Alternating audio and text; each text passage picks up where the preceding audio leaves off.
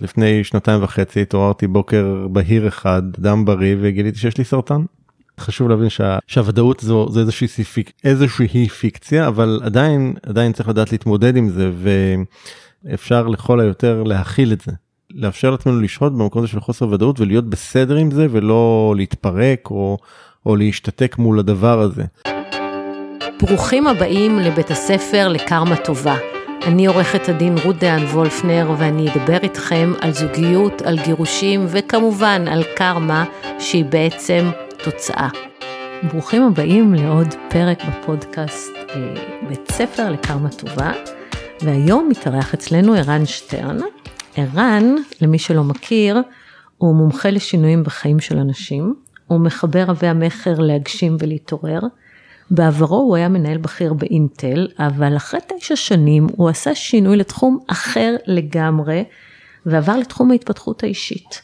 הוא אדם שאפשר לומר עליו שממש ממש לא חושש משינויים, ובאמת לפני חמש שנים הוא ארז את עצמו, את המשפחה שלו ואת הילדים שלו, והם נסעו לטיול של שבעה חודשים מסביב לעולם. לאחרונה ערן התגרש אחרי 30 שנות זוגיות ו-24 שנות נישואים. ובמקרה או שלא במקרה הוא מוביל תוכנית שנקראת עושים שינוי ומאפשרת לאנשים לעבור תהליכי שינוי עמוקים. עכשיו כמו שאתם יודעים שינוי זה אחד הדברים הכי מהותיים בתחום שלי, בתחום הגירושים, כי כשאתם מתגרשים ולא משנה אם אתם יזמתם את זה או שהגירושים האלה נכפו עליכם ואתם ממש לא רוצים בהם, גירושים מעבירים אנשים ומשפחות שלמות תהליך שלם של שינוי. למעשה גירושים, שינוי זה חלק בלתי נפרד מגירושים ושינוי מהותי. אתה עובר ממצב צבירה אחד למצב צבירה אחר, אתה עובר מארץ אחת לארץ אחרת, אני תמיד אומרת שגירושים זה ממש רילוקיישן, אתה צריך ללמוד שפה חדשה, כללים חדשים, הכל חדש. ולפעמים אתה זקוק אה, ליד שתעזור לך. והיום אנחנו הולכים לדבר על שבעה מפתחות שיכולים לעזור לכם להתמודד עם שינוי. אז היי ערן, אחרי ההקדמה הארוכה הזאת, ברוך הבא. אהלן, כיף להיות פה. תודה שבאת, ובוא נקפוץ ישר מהצוק, כמו שאנחנו אומרים. אז אני רק אגיד אה, תיקון אחד למשהו שאמרת, אמרת שאני לא איש שחושש משינויים, אז אני רוצה לתקן, אני חושש משינויים. אבל אני עושה אותם. בכל זאת. כן, כי אני חושב שאי אפשר להימנע מהחשש לשינוי, תכף נדבר על זה, אבל uh, החשש לשינוי תמיד יהיה שם, הוא תמיד יהיה שם, הוא גם חלק ממשהו ששומר עלינו, נדבר גם, ניגע גם בזה אפשר, אבל אה, אני חושב שהעניין פה זה לחשוש מהשינוי ובכל זאת לעשות אותו. לפעמים אין לך ברירה. לפעמים אין ברירה. כן. ואתה צריך להתמודד עם החשש הזה. נכון.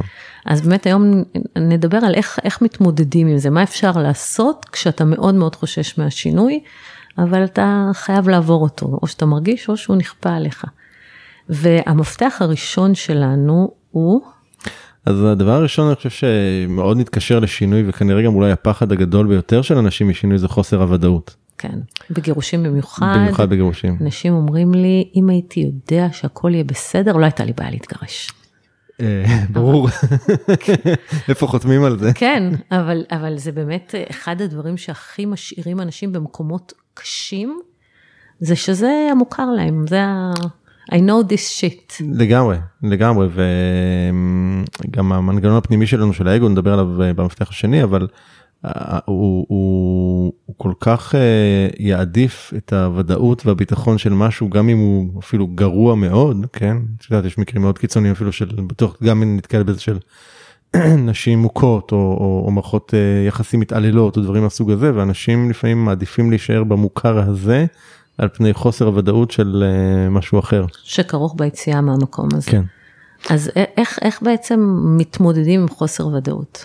אז בוא נגיד קודם כל שאנחנו מדברים על שינויים והדבר הכי קבוע, יש שני דברים אני חושב ידועים וקבועים בחיים שלנו, בסדר? אחד זה שינויים שהם תמיד קורים, בסדר? הדבר הכי קבוע זה שינוי, והדבר השני זה שבסוף נמות, אוקיי? זה שני הדברים, זה בטוח. זה הדברים אני חושב שהכי, שהם ברורים וידועים. מעבר, מעבר לכל זה הכל באמת אה, לא, לא ודאי. אמ, אנחנו יש משהו קצת פרדוקסלי בעניין הזה של אי ודאות כי אנחנו חושבים או מאמינים שיש לנו ודאות. אוקיי? זאת אומרת, אנשים חושבים ומאמינים שיש להם ודאות, וזה די פיקציה, אין לנו ודאות. אני חושבת שהקורונה הוכיחה. לכולנו שאין לנו לגמרי. שום ודאות בעולם. על כלום, על כלום. אה, ו- וזה לא רק קורונה, זה, זה המון דברים, את יודעת, לפני שנתיים וחצי התעוררתי בוקר בהיר אחד, דם בריא, וגיליתי שיש לי סרטן. אוקיי, ודאות במה? כן. אוקיי? אז, אז אתה, אתה באמת, כאילו, אני חושב שחשוב להבין שה, שה, שהוודאות זו, זו איזושהי, סיפיק, איזושהי, איזושהי פיקציה, אבל עדיין, עדיין צריך לדעת להתמודד עם זה, ואת שאלת אותי ככה בשיחה המקדימה שלנו, טוב, אז איך מעלימים את זה, או איך אה, מתמודדים עם זה, והתשובה היא שאי אפשר, אפשר לכל היותר להכיל את זה. זאת אומרת, אה, לאפשר משהו בתוכנו להתרחב למקום הזה של לאפשר לעצמנו לשהות במקום הזה של חוסר ודאות ולהיות בסדר עם זה ולא להתפרק או, או להשתתק מול הדבר הזה. אמ, עבורי אני חושב שבאמת אחד השיעורים הגדולים אה, בהקשר הזה שפיתחו לי את השריר הזה ואני ככה מתייחס לזה כמו שריר שאפשר לאמן אותו ואפשר לחזק אותו זה באמת היה התמודדות עם הסרטן כי עד אז באמת אה, הייתי בתחושה שהכל בסדר ברור ידוע אני יודע לאן אני הולך אני יודע מה אני עושה אני כאילו יודע להתמודד עם הדברים ופתאום מגיע איזשהו game changer כזה כמו שקורונה הייתה להרבה אנשים ולוקח אותך בעצם ממקום של. דברים שהם כבר לא לגמרי בשליטתך או אפילו בכלל לא בשליטתך וזה לאבד שליטה רגע למקום הזה זה זה לא פשוט לא פשוט ואני חושב שאצלי זה באמת מה שעברתי שם זה באמת אפשר לי להגיד אוקיי אז אני רגע מתמסר ל... לדבר הזה אני מתמסר והייתה בי איזושהי אמונה שאני אדע להתמודד עם מה שיפגוש אותי. זה אולי אני חושב. ה... הדרך באמת להתמודד עם חוסר ודאות זה באמת לחזק בתוכנו את הביטחון הזה של אוקיי אני אדע להתמודד עם מה שפוגש אותי. הייתה לי גם איזושהי לא יודע איך לקרוא לזה אמונה מנטרה אקסיומה בראש או משהו כזה שאמרה. היו לי בעצם שתיים חשובות אחת אמרה שאם קיבלתי את האתגר הזה זה בגלל שאני יכול להתמודד איתו. והשנייה הייתה שהסבל הוא סופי. זאת אומרת אם גם אם זה יהיה כואב קשה מאתגר מה שזה לא זה סופי זאת אומרת זה לא כל החיים יימשך. שני הדברים האלה מאוד מאוד החזיקו לי ומאוד עזרו לי להרחיב את המקום הזה של להיות ב... לשהות בחוסר ודאות ולראות מה, מה זה מביא. אז אני יכולה בעצם לסכם שחוסר ודאות זה בעצם מקום, אבל הוא מעבר. נכון. הוא שלב מעבר שאתם נמצאים בו, אבל אתם צריכים לדעת שאתם תעברו אותו. נכון. ואתם מסתגלים לזה שאתם צריכים לשהות במקום הזה, והסיפור הפנימי שאתה מספר לעצמך. אם אתה מספר לעצמך שזה זמני ושזה יחלוף ושהכל יהיה בסדר ושיש לך את הכוחות להתמודד איתו, כי אף אחד לא מקבל משהו שהוא לא יכול להתמודד נכון. איתו, אז אתה מתמודד. לגמרי. ואני אגיד שזה גם לא נגמר. זאת אומרת, אני עובר את החוסר ודאות, התמודדתי, אני אפגוש את זה עוד פעם. אוקיי? אמ, אבל, אבל, אבל זה בדיוק חלק מהעניין, זה בדיוק כמו שאתה הולך לחדר כושר מתחיל להרים משקולת ואתה מעלה את המשקול, משקל כל הזמן, אז, אז אתה מתמודד עם משהו יותר, יותר מאתגר גם פה, ו, וזה בדיוק סוג של שריר. ו, אמ, אני יכול לתת פה דוגמה למשל אמ, על עצמי, נגיד מתחום אחר, כשהתחילה הקורונה לפני משהו כמו שנה וחצי שזה היה קצת יותר. אז מבחינה עסקית הסתכלתי על המקום הזה זה, זה כאילו איכשהו יכולתי להיות יותר הרבה יותר נינוח במקום הזה לעומת נגיד שנים קודמות אני לוקח נגיד אפילו נלך לימים שהיה נגיד צוק איתן 2014 שגם כן אז היה איזושהי עצירה כזאת מבחינת העסק הכל נעצר ועמד וזה ושם הייתי הרבה יותר מטולטל. ופה כאילו איכשהו זה גם היה אחרי הסרטן אז איכשהו משהו בי יכל מאוד מאוד להכיל את זה ולהרפות בזה ולהתמסר לראות מה מגיע ומה. ושוב זה היה איזושהי אמונה שמה שיפגוש אותי נדע להתמודד איתו. אז זה מה שיכולתי להרגיש אצלי את, ההבדל הזה בסיטואציה של התמודדות עסקית נגיד מורכבת אז ועכשיו שזה היה שמיים וארץ. כשאתה עובר דבר קשה אז יותר קל לך להתמודד עם דבר. לגמרי לגמרי אז, אז זה באמת רק הנכונות להסכים להתמודד עם זה. לא, לא לנסות לברוח מזה אנחנו רוב האנשים והנה אולי ה, לא יודע לקרוא לזה טריק בהקשר הזה זה רוב האנשים מנסים להימנע מהמקום הזה של חוסר ודאות. וכשאתה מנסה להימנע ממנו אז, אז נורא קשה להתקדם, נורא בטח בטח אי אפשר להניע תהליכי שינוי, שום דבר לא יזוז. הסוד בעיניי פה הוא הפוך, זה לא להימנע מזה, זה אפילו לקפוץ, לקפוץ ראש לתוך הדבר הזה, לשהות בזה, זה עובר, זה עובר, כי ככל שאתה הזמן עובר אז אתה מתחיל לקבל ודאות, אתה מתחיל להרגיש יותר נוח, זה, זה, זה רק, ה- אני קורא לזה, זה לא רגעים ראשונים כי זה יכול להיות גם שבועות. אבל זה בדיוק, זה, זה, זה החלק הראשוני הזה שהוא יכול להיות קצר, ארוך, יותר, פחות, אבל הנכונות להיות בו אה, עושה את כל ההבדל. אה, נראה לי שאנחנו בשלים לעבור למפתח שני. השני. אז הוא קשור באיזשהו מקום לראשון, אני הזכרתי אותו קודם, הדבר השני זה להבין רגע את המנגנון הפנימי שלנו ש, אמ, שמונע מאיתנו בהרבה מקרים לעשות שינויים וזה האגו, אוקיי? עכשיו אני לא מדבר על האגו במובן שמה שהרבה אנשים חושבים שהוא אדם אגואיסט או לא אגואיסט, זה לא זה לא זה המקום הזה, לכולנו יש אגו, אוקיי? גם לאנשים שאומרים אני נטול אגו, זה מי שדיבר, זה האגו שלהם דיבר מגרונם שאמר את המשפט הזה. לכולנו יש אגו, האגו שלנו יש לו אה, כמה תפקידים מאוד מאוד חשובים בחיים שלנו ואחד מהם זה לשמור ולהגן עלינו. זאת אומרת האגו למשל זה אותו חלק שאם אני עכשיו אעלה פה על גג הבניין אז הוא ירחיק אותי מקצה הבניין כדי לשמור עליי שאני לא אפול אוקיי או שהוא ימנע ממני לקפוץ לכביש סואן. האגו מאוד שומר ומגן עלינו העניין הוא שהאגו עושה את זה אה, כמובן בסיטואציות מסכנות חיים אבל הוא עושה את זה בעצם בכל סיטואציה שבה אנחנו אה, קרובים לקצה אזור הנוחות שלנו בכל פעם שאנחנו נתקרב אפילו לא רק במעשה אפילו רק במחשבה.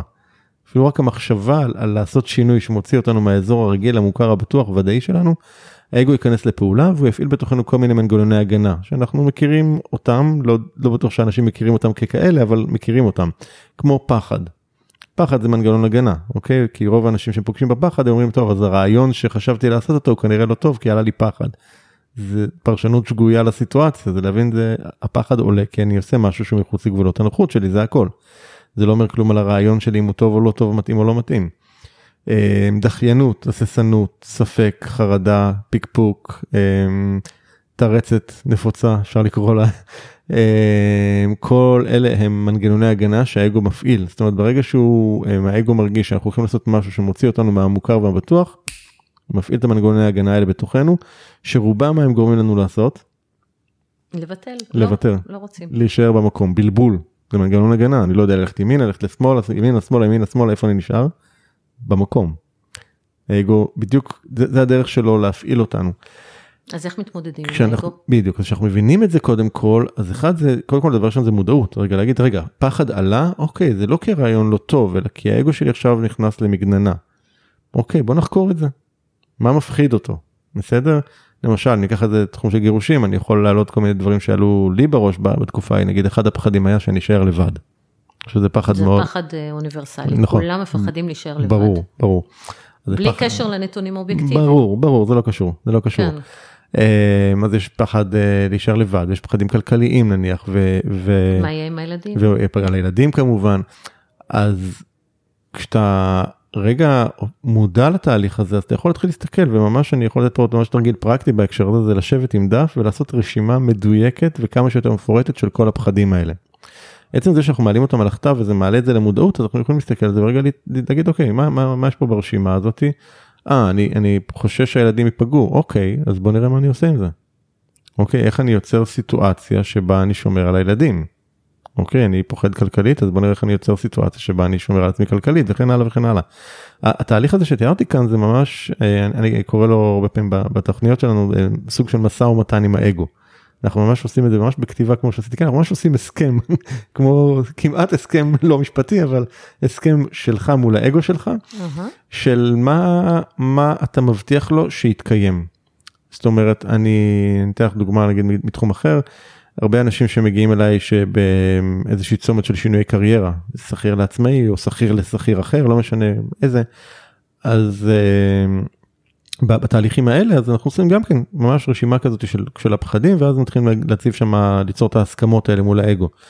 אז נגיד הסכמה כמו אה, אני צריך לפחות להרוויח איקס כסף בחודש בסדר נגיד סתם לצורך דוגמה אני אני מתחייב מול האגו שלי שאני אכניס לכל הפחות עשרת אלפים שקלים בחודש. עכשיו את יכולה לשאול ובצדק מאיפה אני יכול להבטיח לאגו שלך דבר כזה? אתה הרי לא יודע מה יהיה נכון?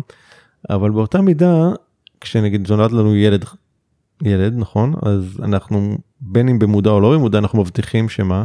שנוכל לפרנס אותו, גם זה שלא משנה מה יקרה אנחנו תמיד נשמור ונגן עליו. זה בטוח. נכון?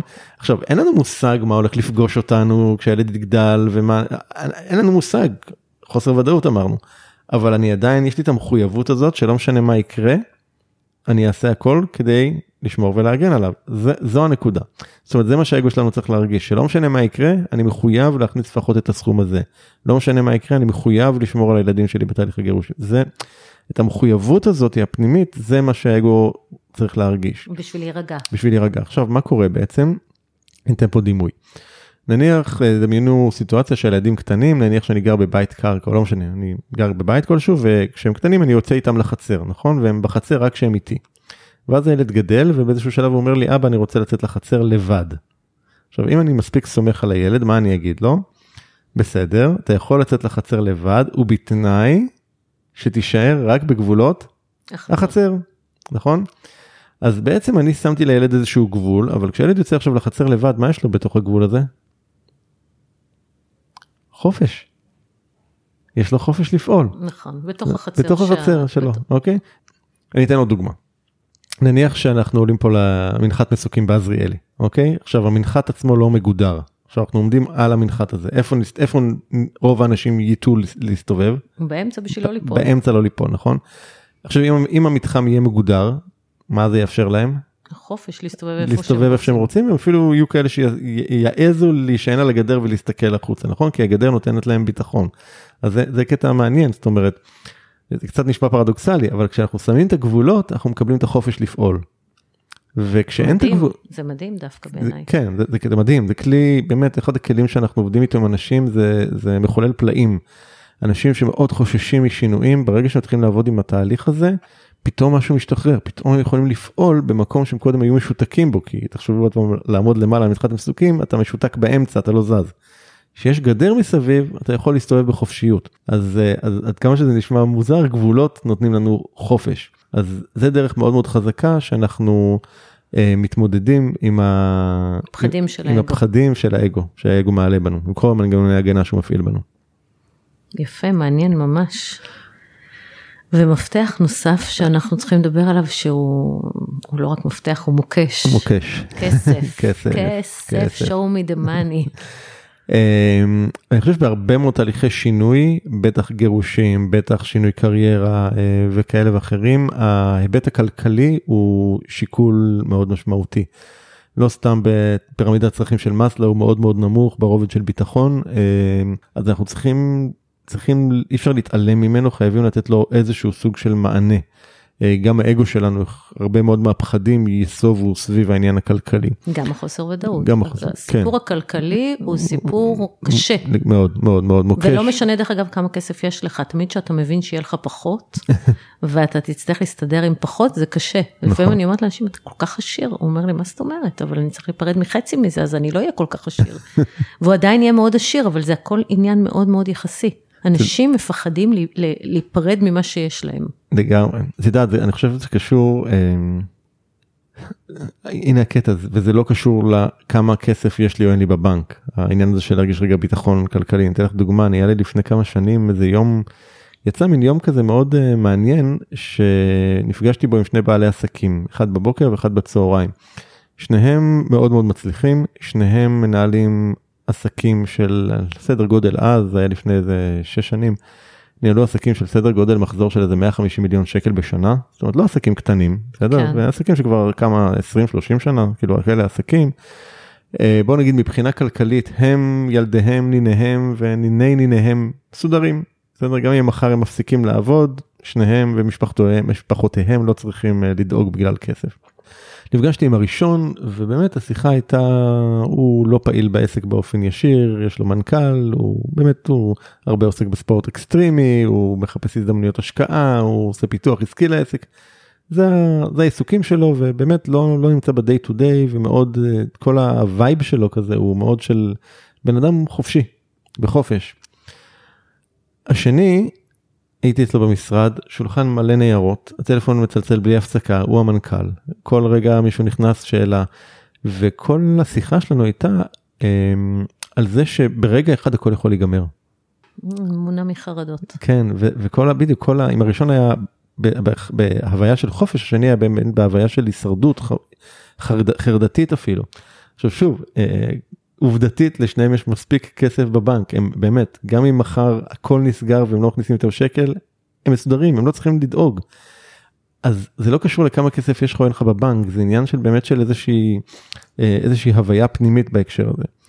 אז בהקשר של כסף, הרבה אנשים, עד כמה שזה יישמע אולי מוזר, אבל הרבה אנשים אין להם מושג מה קורה איתם מבחינה כלכלית. לא כמה הם שווים, לא כמה הם חייבים, לא כמה יש להם או אין להם. בעיקר נשים, אני לדעתי. אוקיי, אז זה, זה, זה גם נכון אגב, אבל, אבל, אבל לא רק, לא רק, אה, הם לא יודעים, לא יודעים. אה, בנוסף, הרבה אנשים, לזה גם שריר הכסף, שריר הכסף שלהם מאוד מנוון, מה זה אומר? שהם יודעים לך לייצר או ליצור כסף רק מפעולה אחת, לרוב, שלרוב זה... אה, ללכת לעבודה. ללכת לעבודה, בדיוק, להחליף שעות תמורת כסף, לרוב, בגלל שרוב האנשים גם שכירים, אז באמת עבור מעסיק כזה או אחר, ואין להם את היכולת, אם מחר אני אגיד להם תייצרו עכשיו עוד אלף, אלפיים, שלושת אלפים שקל לחודש, הם, הם די יהיו קלולס בהקשר הזה, מה אני עושה עכשיו, אני, מאיפה אני עכשיו מייצר עוד כסף. וזה שריר, בסדר? זה ממש שריר, אז, אז מה שאנחנו עושים עם אנשים בתוכנית זה באמת לעזור להם לאמן את השריר הזה. ולהתחיל לייצר הכנסות ונכנסים אותנו לעולמות של הכנס, אה, הכנסות פסיביות ולהתחיל ליצור דברים כאלה ולהתחיל להבין גם מה יש להם, כמה הם שווים, ובעיקר להוריד את החששות שיש לאנשים מהנושא הזה של כסף. אני חושב שיש שני נושאים מאוד טעונים בעולם שלנו, שאנשים מאוד חוששים לגעת בהם. אחד זה כסף, השני זה מין. זה שניהם מאוד, אה, מאוד מפחידים. ואנשים נמנעים מהם. תשמע, חרדה כלכלית זה אחת החרדות הקשות. אני יכולה להגיד לך שהיום הייתה אצלי מישהי שהיא מרוויחה 5,000 שקל ובעלה מרוויח 40,000 שקל והוא רוצה להתגרש ממנה.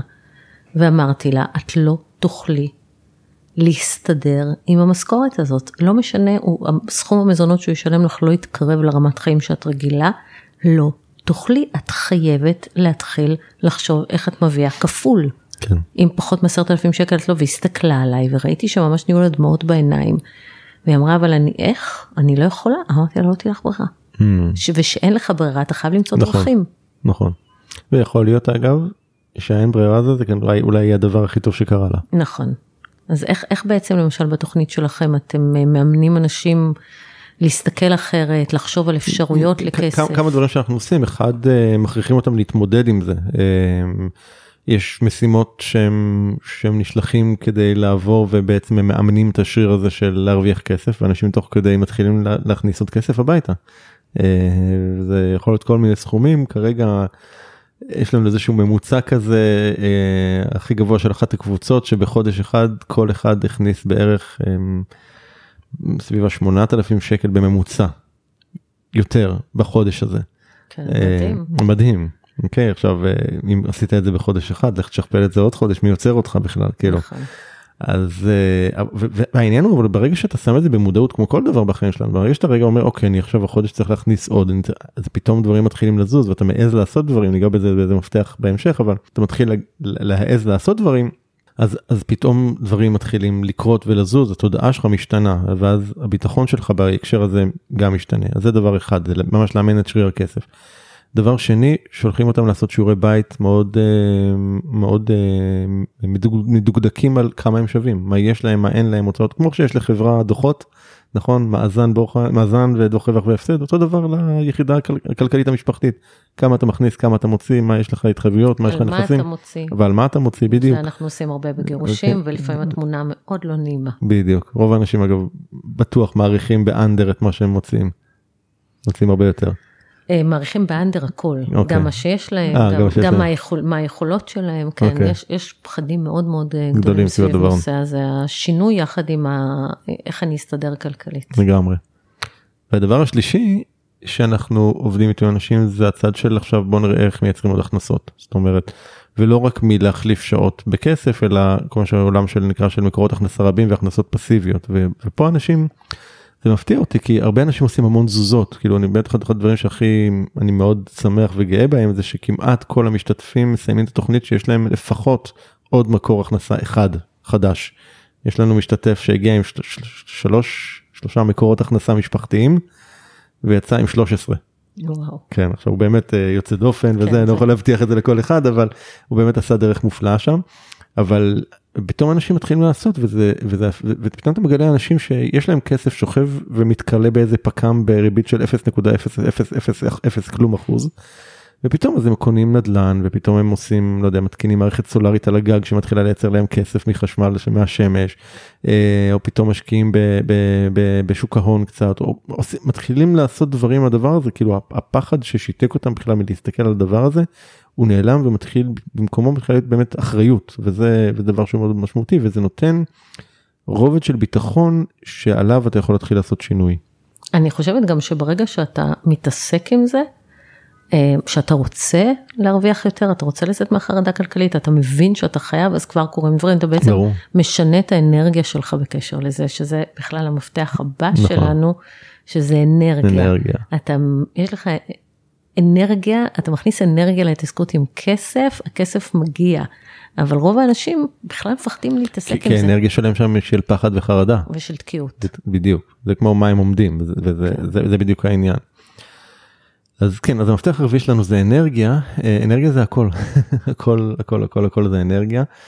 אמ, והרבה פעמים אנשים מגיעים למצבי שינוי כשהאנרגיה שלהם נמוכה. משותקים, מפחד. כן, כן. אה, הרבה פעמים, בטח בענייני גירושים, אנשים מגיעים מכורח. זאת אומרת, זה נכפה עליהם, ואז עוד יותר, זה, זה עוד יותר זה יכול לשים אותם במקום. אה, במקום כזה או אם ניקח עכשיו מה שקרה עם הקורונה מיליון מובטלים וחל"תניקים אז אז פתאום אתה מוצא את עצמך בלי מקום עבודה ואתה נדרש עכשיו לעשות משהו עם הדבר הזה. אבל אתה מסכן אתה בעמדת הקורבן זרקו אותי הוא בגד בי היא לא רוצה אותי אני מסכן. ברגע שאתה באנרגיה הזאת של הקורבן מה קורה לך? אין תקומה. אין תקומה. אין תקומה. קשה. אתה גמור. האמת שכן בלי אנרגיה אנחנו גמורים אנחנו גמורים וזה. אני חושב שזה באמת חוזר פה גם כן יודעת מה אם, אם ניקח איזה כותרת לכל המפתחות האלה שאני חושב שזה קשור לכולם זה אחריות אישית. אוקיי זאת אומרת זה המקום שבו בן אדם אומר אני אחראי על החיים שלי ועל התוצאות שלי. בסדר זה לא עשו לי אכלו לי שתו לי בגדו בי זה אני אחראי. את יודעת גם שיתפתי אותך קצת בשיחה המקדימה שלנו גם כש... כשחליתי בסרטן. אז אחרי שסיימתי את כל ההתמודדות הרפואית והחלמתי והכל זה אז אז התחילה התמודדות אחרת ואני התהלכתי בעולם אני אז התחלתי באמת אז הכי פחדתי. כי אמרתי אם אני לא מבין לעומק למה הדבר למה הבאתי על עצמי סרטן אני אקבל מועד ב'. זה ממש מצמרר. זה, זה, זה עם זה הסתובבתי. הזאת, למה הבאתי על עצמי סרטן, ת, תראו מה זה state of mind של מישהו שהוא לא קורבן. בדיוק. אני הבאתי על עצמי את הסרטן, ואם אני לא אבין למה, אני אקבל מועד ב'. בדיוק. זה מטורף. זה מטורף, זו אחריות אישית. זה מאוד קשה לשאול את עצמך שאלות מהסוג הזה, בסדר? למשל, ניקח לגירושים, למה הבאתי על עצמי את הגירושים האלה? וזה לא משנה אם בגדו בך. זה לא רלוונטי. זה לא זה לא משנה לא רלוונטי. אם לא עזבו אותך ובגדו אותך, אתה הבאת על עצמך את זה בסוף. בדיוק. האמת היא שבעיניי זה מנגנון התמודדות הרבה יותר נכון. כי אם אתה לוקח אחריות, אתה, אתה לא יכול לכעוס על עצמך הרבה זמן. אתה אומר, אוקיי, מה עשיתי לא טוב, בוא אני אשנה. נכון. אם מישהו עשה לי, אז אני, אין, אין, אין לי מה לעשות, אני נכון. קורבן, עשו לי.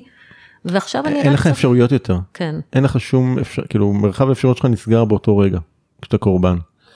אתה לוקח אחריות הכל פתוח הכל פתוח אתה פתאום יכול לעשות דברים. אז אז uh, בהקשר הזה אני חושב שזה דבר שמשפיע מיידית ככה על האנרגיה שלנו השינוי הקטן הזה כי אתה יוצא מהפוזיציה של הקורבן אתה כבר יכול לעשות משהו. ויש המון דברים ברמה הכי פרקטית של להעלות אנרגיה באמת מדברים פיזיים כל דבר שקשור לתנועה ספורט ודברים מהסוג הזה תמיד. לכו לרוץ. בדיוק לרוץ ללכת אה, כל דבר באמת להזיז את הגוף.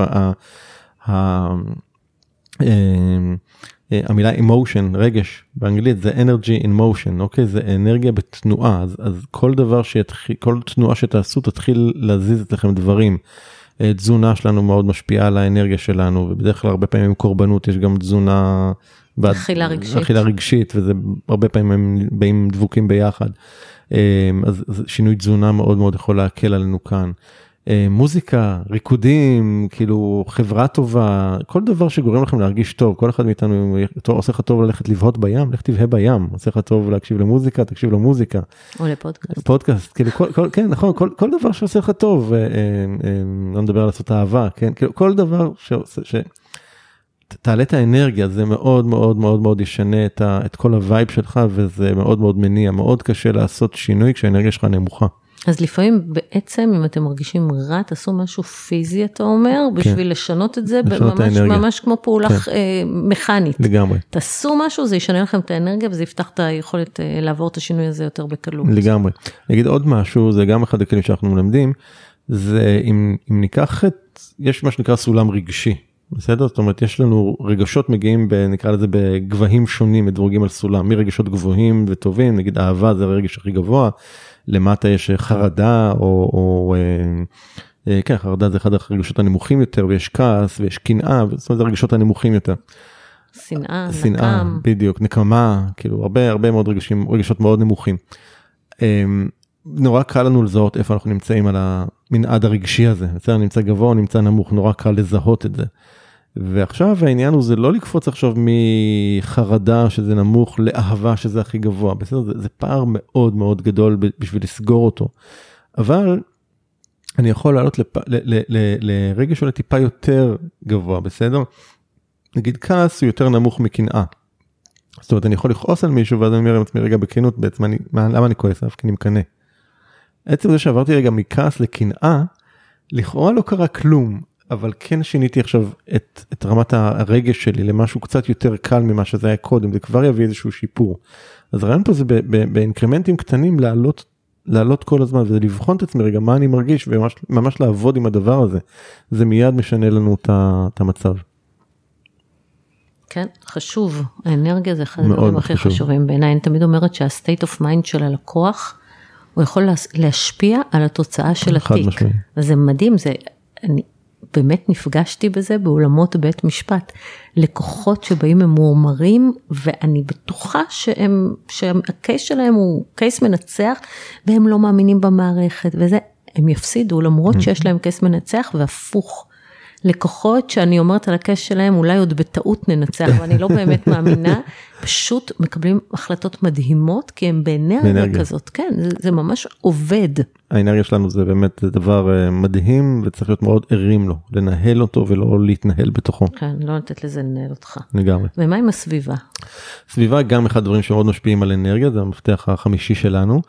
אה, סביבה היא אחד הכוחות הכי מרימים או הכי מורידים שיכולים להיות לנו. אה, תסתכלו רגע מסביב מה קורה היום בקורונה בסדר עם כל הדבר הזה תראו מה השיח תראו מה אה, לאיפה אנשים נופלים ו- ו- ומה איך זה משפיע כן.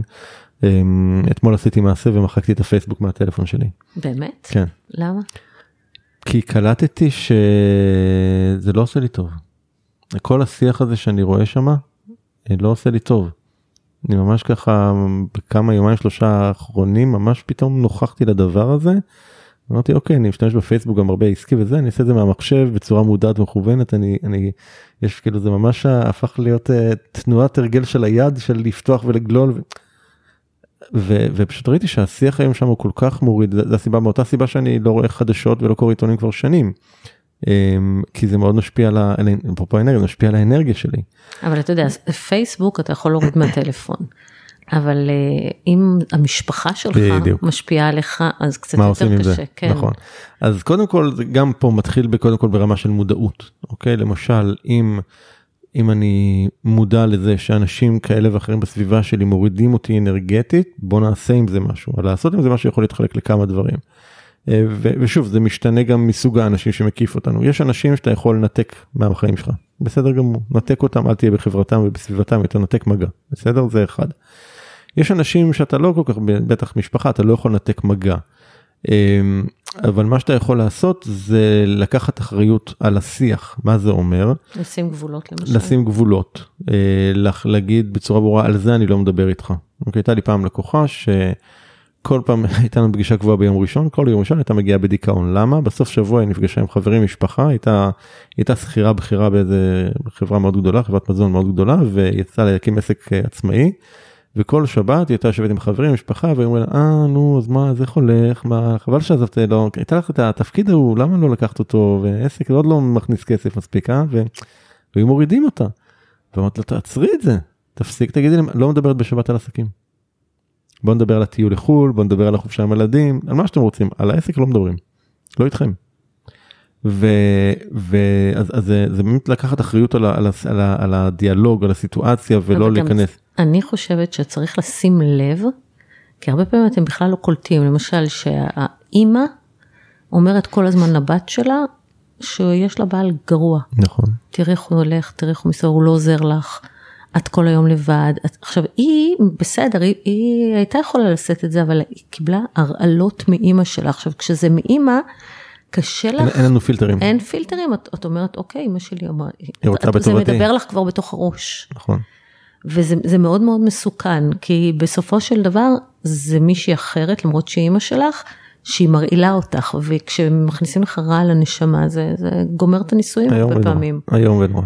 כן, אני רואה את זה המון. כן, אני יכול לתאר, ובטח בתהליכי גירושים יש כל מיני נשמות טובות שמפמפמים לאנשים כל מיני דברים, וזה נכון. מסבך את העניינים. ולפעמים אתה מגיע למצב של מלחמת גירושים, שזה בכלל לא מלחמת שלך, זה האבא שהבטיח שהוא לא ישכח ולא יסלח והוא ינקום, כן. ומממן הליכים עד בית משפט עליון סתם.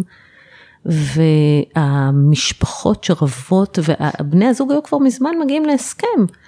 אבל המשפחות לא נותנות להם, יש שם איזשהו יצר, וסביבה יכולה להרוס לכם את החיים. לגמרי. אומרים שאתה ממוצע של חמישת האנשים הכי קרובים אליך, נכון. אבל כשזה משפחה זה בעיה. נכון. וצריך ממש, אני חושבת שהרבה פעמים צריך לעבור טיפול בשביל לדעת להתמודד ולשים גבולות עם המש... אנשים שהכי קרובים אליך. לגמרי, מאוד מאוד חשוב, מאוד חשוב לשים את הגבולות, מאוד חשוב וזה. ובצד השני של זה, זה ליצור לעצמך באופן מודע ומכוון סביבה שתרים אותך. נכון. אוקיי? ניתן פה עוד, אה, עוד, עוד דוגמה לדבר הזה. כשחליתי, אז uh, אחד הדברים שעשיתי את זה באופן מאוד מאוד מודע. לא הרבה אנשים ידעו ש... שאני עובר את מה שאני עובר, והסיבה שלא הרבה אנשים ידעו את זה, כי אני אמרתי שאני משתף את זה רק עם אנשים שאני סמוך ובטוח שהאנרגיה שאני אקבל מהם תהיה אנרגיה טובה ואנשים שאני יודע שיוכלו להרים אותי. אה, אפילו, אני אגיד אפילו ההורים שלי לא ידעו. כשזה היה, הם ידעו בדיעבד אחרי שהחלמתי. לא כי, כי, כי ידעתי ששוב שהם לא במקום שהם יוכלו, שאני לא רציתי שיחזיקו מולי אנרגיה של דאגה ופחד. לא רציתי לקבל מאמא שלי טלפונים מודאגים. אוקיי, אני אמרתי אני צריך לשמור על התודעה שלי נקייה ואופטימית ושמחה, אני לא יכול לא יכול לאפשר שום זליגה של אנרגיה ומהסביבה שלי שהיא לא אנרגיה מתאימה. ולא רציתי ש... שאת יודעת, לא כתבתי את זה בפייסבוק, כאילו שלא רציתי שיהיה מישהו אחד בעולם שמחזיק אנרגיה של דאגה או פחד כלפיי. וזה היה, זה מאוד מאוד חשוב, זה, זה, זה לנהל את הדבר הזה ולבחור סביבה שמאוד מרימה אותך. ויצרתי לי את הקבוצת כוח הזאת סביבי של אנשים שהיו מרימים אותי ועוזרים לי ותומכים וזה, וזה משהו שאנחנו צריכים לעשות באופן יזום. וואו זה מטורף. אין, אין לנו אין לנו זה, אין לנו אין לנו את זה באופן טבעי בחיים בדרך כלל בצורה אורגנית טבעית זה משהו שצריך ליצור אותו. הייתה לי לקוחה לא לא סרטן אבל גירושים שהיא אמרה אני החלטתי. שאני צריכה קבוצת תמיכה בגירושים והיא פשוט נכון. פתחה קבוצת וואטסאפ וקרא לה קבוצת התמיכה שלי, והיו שם כל מיני, היו אחיות שלה, והייתה, לא כולם, הייתה בדודה אחת, היו כמה חברות, והם היו קבוצת התמיכה של הגירושים. אז זה גם רעיון, בדיוק. לפתוח קבוצת וואטסאפ, אבל תדעו לכם שאתם הקבוצת תמיכה שלי, לא רוצה לשמוע דברים בדיוק. רעים, רק זה תמיכה. מאוד חשוב להיות מאוד בהיר וברור על, על הציפיות שם. אתה, אתה שם כי, כי זה מה שמצופה ממך, לא ביקורת ולא שליליות ולא אנרגיה נמוכה ולא רעל ולא שום דבר כזה, אלא רק אופטימיות ו- ופרגון והרמה, כאילו זה, ליצור את הדבר הזה. אני יכול להגיד שבקבוצות שאני מוביל, אז באמת אחד הדברים שאנשים תמיד תמיד תמיד מציינים כדבר אולי אפילו הראשון שהיה הכי משמעותי עבורם, זה, זה הסביבה והקבוצה שהם נכנסים, כי כשאתה לוקח קבוצה של אנשים שהם אנשים מחויבים, בעלי שאיפות גבוהות, בעלי רצון לעשות שינוי, בעלי uh, uh, שעושים בפועל דברים, כן, שעושים, את יודעת, מחטטים את הרגליים ועושים דברים, זה מיד משפיע עליך. מטורף, כן, סביבה זה דבר באמת מאוד חשוב, גם בהליכי גירושים. אתם חייבים לראות טוב טוב את מי אתם סוחבים איתכם על הגב, או מי מנהל לכם את האירוע לגמרי, הזה. לגמרי, לגמרי. ודיברנו על עוד מפתח שהוא בעיניי ממש מעניין, שאומר שצריך לצבור התנסויות קטנות. כן. זה הזכיר לי את הקלימנג'ארו.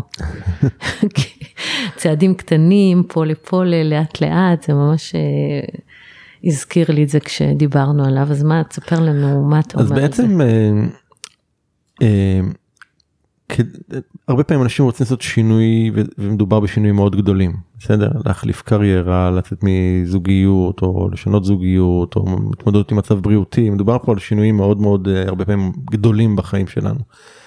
ואם אני חוזר רגע לשיחה שלנו על האגו האגו שלנו קשה לו להכיל שינויים כאלה גדולים. בסדר? זאת אומרת הוא... הוא צריך גבולות. הוא צריך, כן, בדיוק. חוזה. אז, אז, אז מה שצריך לעשות, אז, אז מה שאנחנו עושים זה על ידי זה שאנחנו מתחילים בכל מיני צעדים קטנים והתנסויות קטנות, ואנחנו צוברים חוויות קטנות והתנסויות קטנות. היכולת ההכלה של האגו מתרחבת כמו שיכולת שלנו להתמודד עם חוסר ודאות מתרחב זה. זה הכל קשור להכל באיזושהי צורה אבל אז, אז זה משהו מאוד משמעותי אני, אני אתן אולי איזה סיפור שקצת ממחיש את הדבר הזה. הייתה לי לקוחה באחת התוכניות שהגיעה אחרי שהיא עזבה מקום עבודה שהיא כבר לא יכלה לשאת אותו יותר אז היא עזבה והיא הגיעה בלי שום ידיעה מה לאן מכאן מה היא עושה מבחינה תעסוקתית לא היה לה שום כיוון. היא בעיקר ידעה מה היא לא רוצה לא היה לה שום מושג מה היא כן רוצה. וכחלק מהתרגולים שהם מקבלים בתוכנית והמשימות אז uh, הייתה איזה משימה שהובילה אותה לזה שהיא uh, במושב שהיא גרה בו היא.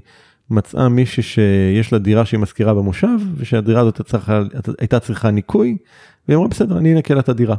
אוקיי, נרוויח מזה כמה שקלים גם. הלכה לנקות לה את הדירה. ואחרי זה אה, אותה אחת אה, בחו"ל אמרה לה תקשיבי אני רוצה גם לשפץ את הדירה אז אולי תנהלי, תנהלי לי את השיפוץ פה בארץ כי אני בחו"ל אז היא ניהלה והיא טיפלה בקבלנים ובמעצב וכל הדברים האלה והרוויחה עוד כמה אלפי שקלים על הפרויקט הזה. ואז היא אמרה טוב מה עוד אני יכולה לעשות והיא אמרה טוב אני אוהבת לעשות אה, חטיפי תמרים. תמרים טבעי אורגני אגוזים כל מיני דברים כאלה אז היא עשתה כל מיני כדורי תמרים כאלה שמה אותם בקופסאות יפות הדפיסה במדפסת מדבקות מעוצבות כאלה שאחותה עיצבה לה קצת שיראה יפה כזה. לקחה לה מכולת במושב שמה לו בקופה אמרת, אמרה לו תראה אתה מצליח למכור את זה. מתקשר אליה אחרי כמה ימים אומר לה תביאי עוד הכל נמכר הביאה עוד תביאי עוד הביאה עוד תביאי עוד הביאה עוד. ואז היא אמרה טוב איך עוד אני יכולה למכור את זה אז התחילה לפרסם בכל מיני קבוצות וואטסאפ של המושב ומושבים אחרים וזה וזה והתחילה פתאום לנסוע מבית לבית בהזמנות מראש לתת לאנשים את החטיפים תמרים שהזמינו והתחילה לייצר עוד עוד מוצר דומה כן כאילו כל מיני סוגים שונים. ופתאום עוברים כמה חודשים ווואלה יש פה עסק. פתאום כבר יש יש לה קווי הפצה לתל אביב ולירושלים שהיא בהזמנות מראש מתחילה להפיץ. ו... והיום היא כבר זה ממש זה עסק לכל דבר ועניין. עכשיו וזה הכל התחיל מצעד אחד מצעד אחד זה, זה אני, אני תמיד מתחיל בסיפור שהיא עלתה מוכנה ללכת לשטוף דירה למישהו בסדר כי כי כי, כי שם זה התחיל כי זה בעצם פתח לה את הדרך בלי בדיוק. שהיא ידעה לאן היא הולכת היא לא ידעה. ומה הולך אבל היא הבינה שהיא יכולה לעשות דברים ואז ואז פתאום נפתח לזה כמו ש... אחד השיעורים שלמדתי בקלימנג'ארו זה גם אם אתה נמצא ב dead end, היינו תלויים בין שמיים לארץ על קיר ברנקו, וזה היה נראה שאין לאן להתקדם, ואז תמיד היה, המדריך אמר תשימו את הרגל פה, ואתה עושה עוד צעד אחד ופתאום נפתחת לך דרך שלמה. זה בדיוק זה, זה בדיוק זה, אנחנו לא נדע מראש, אי אפשר לדעת מראש, אבל חייבים לעשות את הצעד הכי קטן הזה. וההתנסויות האלה, החוויות האלה שאנחנו צוברים, מעניקות לנו עוד ועוד ועוד ביטחון. זה דבר... ומאמנות את השריר. בדיוק, זה דבר מאוד מאוד חשוב, ופתאום אתה מוצא את עצמך שאתה מסתכל רגע אחורה, אתה אומר, אה, איזה דרך עשיתי. כן. זה בדיוק ככה. זה, זה באמת מפתח מאוד מאוד חשוב, לצבור את ההתנסויות האלה. אני לא מאמינה שהגענו למפתח השביעי. האחרון שלנו. אז, אז באמת המפתח השביעי, זה לדעתי אחד המפתחות היותר חשובים. ואני לא רוצה להיכשל בלשוני, אני אתן לך להגיד את המפתח אה, הזה. אז בעצם אה, דיברנו במפתח הראשון בעצם על, על היכולת שלנו להכיל חוסר ודאות, אז המשלים של זה זה בעצם היכולת שלנו להכיל כישלונות. הרבה אנשים לא רוצים לעשות uh, שינויים כי הם מפחדים להיכשל. עכשיו זה משהו שמובנה בנו עוד מבית, מבית הספר, בסדר? אסור להיכשל במבחן, ואם אתה, נכש, אתה נכשלת במבחן אז אתה נכשל. יש משהו במילה הזאת, בהתוויה הזאת ששמים עלינו של הנכשל, כן. שהיא מאוד מאוד מאוד קשה לנו כבר מהילדות, ואנחנו לא רוצים להיכשל, אז רוב האנשים מה שהם עושים, הם, הם אה, הולכים על קצות האצבעות שלהם את כל החיים כדי לא להיכשל, כן, רק להגיע בסוף למוות, אה, בזהירות יתרה. ומפספסים המון דברים ובאמת אני ב-15-16 שנים האחרונות חקרתי למדתי את הדבר הזה שנקרא so called הצלחה הרבה מאוד ביוגרפיות וראיינתי עשרות אנשים, אפילו מאות אולי, עד היום על מאוד מצליחים בכל מיני תחומים. יש דבר אחד משותף לכולם, יש להם ים של כישלונות, ים, הם סוחבים על הגב שקים של כישלונות. ו... וגם לי אם הייתי מוריד את החולצה אז יש שם הרבה מאוד צלקות זה, זה משהו ש... שהרבה מאוד אנשים לא מוכנים uh, להתמודד איתו לא מוכנים לשאת אותו או להכיל אותו ו... וזה תוקע אותנו. Uh, המפתח פה זה, זה להיות מוכן להיכשל עכשיו מה זה להיכשל אני לא מכוון בשביל להיכשל אף אחד לא ברור רוצה להיכשל אבל זה אם קרה משהו אז המהירות שבה אני מתאושש, שאני קם, מנער את האבק וממשיך קדימה, זה הדבר הקריטי. אז, אז העניין פה זה באמת להרגל את עצמי שאם נפלתי זה לקום. לא, לקום. גם, לה... גם כישלונות מחשלים. לגמרי. אה. והרבה פעמים מתוך הכישלון נוצר איזשהו פתח, כמו שדיברנו קודם, שדברים שלא יכולים לראות קודם, נוצר פתח לדבר הבא שמאוד מאוד מקדם אותנו. אז יש המון המון המון ערך בכישלונות האלה. ואגב, כישלונות זה גם בסדר להיכשל במערכת יחסים, וזה עוד יותר מבסדר שישברו לכם את הלב. כי אומרים שאין דבר יותר שלם מלב שבור, וזה נכון, כי כש, רק, כשמי, כש, רק מי שנשבר לו הלב, יכול באמת לאהוב בצורה עמוקה, יכול, נכון. הוא בשל לקיים מערכת יחסים. מי שאף פעם לא נשבר לו הלב, הוא לא יודע איך זה מרגיש, הוא יכול לאהוב חצי. בעיניי. ולכן גם בגירושים, אחרי הגירושים, ישברו לכם את הלב, זה בסדר, יהיה לכם מערכות יחסים כאלה ומערכות יחסים כאלה עד שתגיעו לדבר האמיתי. וזה הכל בסדר, זה הכל בדרך למקום האמיתי. אם, אם אתם מקבלים את זה ככה, ולא נמצאים ב state of mind, באנרגיה הזאת של אה, כל הגברים אה, אותו דבר, וכל הנשים ככה, ואפשר, ואין טובים, וכל הטובים תפוסים. נכון. ומישהי אמרה לי, אני סחורה פגומה, שאני לא יכולה להתאושש מהמשפט הזה, לא יכולה להתאושש ממנו, כן? אם אתם ב state of mind שזה בסדר, אפשר להיכשל, אפשר שישברו לכם את הלב, יכול להיות שבמערכת יחסים הבאה אתם תשברו למישהו את הלב, זה גם בסדר, אף אחד לא מבטיח אה, נכון. הצלחה מלאה בכל מערכת יחסים או בכל בכלל, בכל דבר שתעשו, ולמרות זה, תלמדו להכיל את זה ו- ולהבין שזה רק אה, התנסות בדרך לדבר האמיתי, אז יהיה הרבה הרבה יותר קל. לגמרי, אתה אמרת פה משהו מאוד מאוד חשוב בהקשר הזה ש... אה, רק כשאתה עובר לב שבור אתה יכול גם לאהוב יותר. אני חושב שזה מאוד נכון, אני חושב שזה גם נכון בכלל בהקשר של המנעד הרגשי שלנו, זאת אומרת, ככל שאנחנו מאפשרים לעצמנו ליפול לתהומות הנמוכים יותר, ככה אנחנו יכולים גם לעוף גבוה יותר, למעלה. זאת אומרת, אני יודע את זה שוב בחוויה האישית שלי. ככל, אני, אני הרבה מאוד שנים מאוד נמנעתי מלאפשר לעצמי להגיע למקומות המאוד מאוד מאוד נמוכים, מתוך חששות ופחדים וכולי וכולי. כשאפשרתי לעצמי, וזה קשור לאי ודאות שדיברנו קודם, ש, שלשהות באזורים האלה, מה שגיליתי זה שכן, אתה יכול לגר עם הרגליים עמוק בגיהנום לפעמים, אבל אתה אחר כך יכול עם הראש להגיע גם לגן עדן, זאת אומרת, המרחקים פה, אנחנו ממש מרחיבים את המנעד הרגשי שלנו לשני הכיוונים. מדהים. טוב, ערן, אז ככה, אז היה לנו פה שבעה מפתחות להצלחה.